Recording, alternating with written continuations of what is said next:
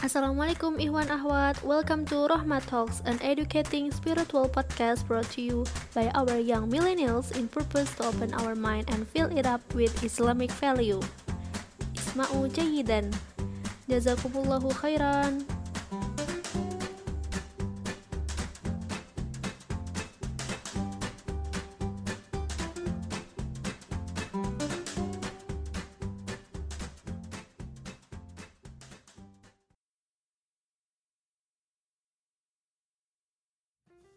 Assalamualaikum warahmatullahi wabarakatuh Halo sahabat Rohmah, kembali lagi di Rohmah Talks dalam segmen Ramadan di rumah aja Bersama saya, Agan Valeri Aslani Hashim Bagaimana puasanya sahabat? Lancarkah? Semoga lancar-lancar saja ya Tentunya kita selalu berharap agar tiap amalan dan ibadah yang kita laksanakan di bulan Ramadan ini bisa diterima Allah Subhanahu wa taala dan juga senantiasa dipermudahkan jalannya. Amin ya robbal alamin.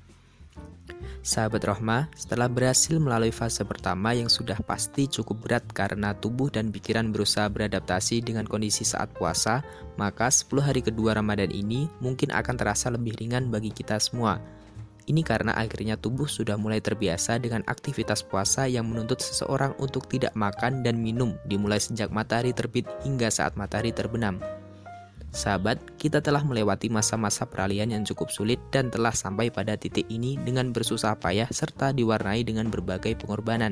Apalagi di tengah pandemi COVID-19, suasana Ramadan tahun ini menjadi totali sangat berbeda. Maka semoga kita selalu istiqomah dalam beribadah hingga mencapai hari kemenangan nanti. Amin.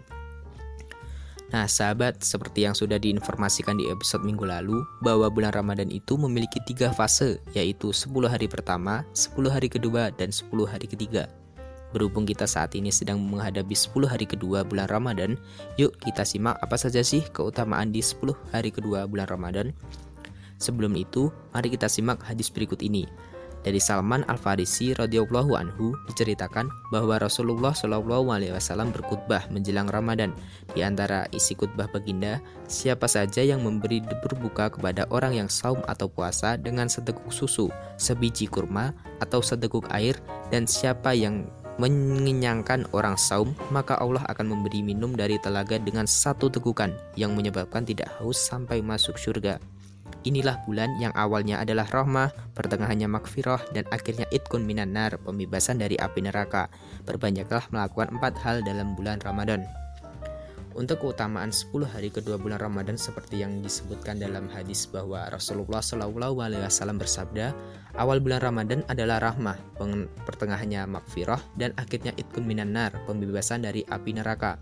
Nah, pada fase kedua atau fase 10 hari kedua Ramadan inilah Allah membukakan pintu makfirah atau ampunan yang seluas-luasnya. Karenanya, jangan sampai kita melewatkan hari-hari penuh ampunan yang telah dijanjikan oleh Allah Subhanahu wa taala dengan sia-sia ya, teman-teman. Pada waktu inilah saat yang paling tepat untuk memperbanyak doa serta memohon ampunan kepada Allah Subhanahu wa taala atas segala dosa-dosa yang telah kita lakukan di masa lalu agar diampuni dan dibebaskan dari hukuman. Berbanyaklah melakukan sholat malam, berdoa, tilawah Quran, dan berzikir karena pada 10 hari kedua Ramadan ini merupakan kesempatan yang diberikan oleh Allah Subhanahu wa taala untuk mengurangi dosa-dosa yang telah kita perbuat. Dengan memohon ampunan dengan tulus dan bersungguh-sungguh serta bertobat dari hati yang terdalam, insya Allah pasti mendapatkan ampunannya. Nah, ngomong-ngomong soal 10 hari kedua bulan Ramadan, tidak engkap jika tidak tidak membahas tentang apa saja sih yang sudah kita capai di 10 hari kedua ini. Apa kita mengalami peningkatan dari 10 hari pertama atau malah mengalami kemunduran dalam beribadah? Coba sahabat renungkan dan pikirkan pertanyaan tadi. Apakah sahabat sudah menerapkan ilmu-ilmu yang didapat dalam semasa belajar untuk memperbaiki diri atau hanya di sekedar di-share dan dilupakan He, sebenarnya tidak ada salahnya menge-share ilmu di media sosial, itu pun juga merupakan perwujudan dakwah kan? Namun alangkah baiknya jika ilmu tersebut kita implementasikan dalam diri maupun ibadah kita. Sahabat, kalau kita sudah mencapai pada titik di 10 hari kedua ini, pastinya ada beberapa hal yang telah kalian capaikan. Nah, tujuan saya tidak lain untuk mengingatkan sahabat-sahabat semua agar dapat direnungkan dan saya harap kalian tingkatkan dan istiqomahkan sampai hari kemenangannya. Hal yang paling penting ialah jika kalian telah beribadah hingga 10 hari kedua ini, pastinya ini adalah perwujudan dari istiqomah yang telah kalian pertahankan secara susah payah bukan?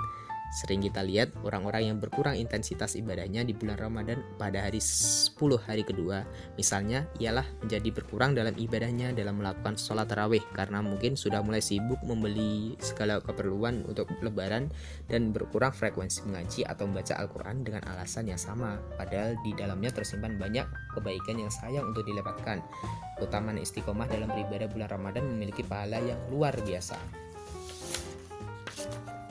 Orang-orang yang mampu menjalankan rangkaian ibadah puasa Ramadan secara lengkap di 10 hari kedua bulan Ramadan ialah wujud bahwa orang tersebut memiliki rasa istiqomah karena ibadah yang dijalankannya semata-mata karena Allah dengan minat untuk akhirat sebab itu ia terus rajin mengerjakan walaupun orang lain di sekitarnya mungkin menjadi sibuk dengan kegiatan duniawi lain. Orang tersebut akan mendapat pahala ibadah istiqomah yakni pahala yang tidak terputus dari Allah Subhanahu wa taala. Akhirnya kita telah sampai pada penghujung podcast nih sahabat Rohma. Gimana? Seru dan edukatif gak episode kali ini? Eh, semoga podcast ini terus berkembang dan bisa bermanfaat bagi sahabat dan masyarakat luas ya. Amin.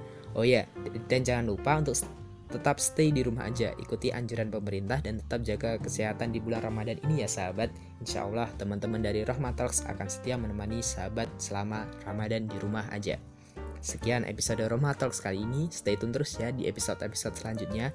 Syukron kasiron ala kusni idima mikum. Wassalamualaikum warahmatullahi wabarakatuh.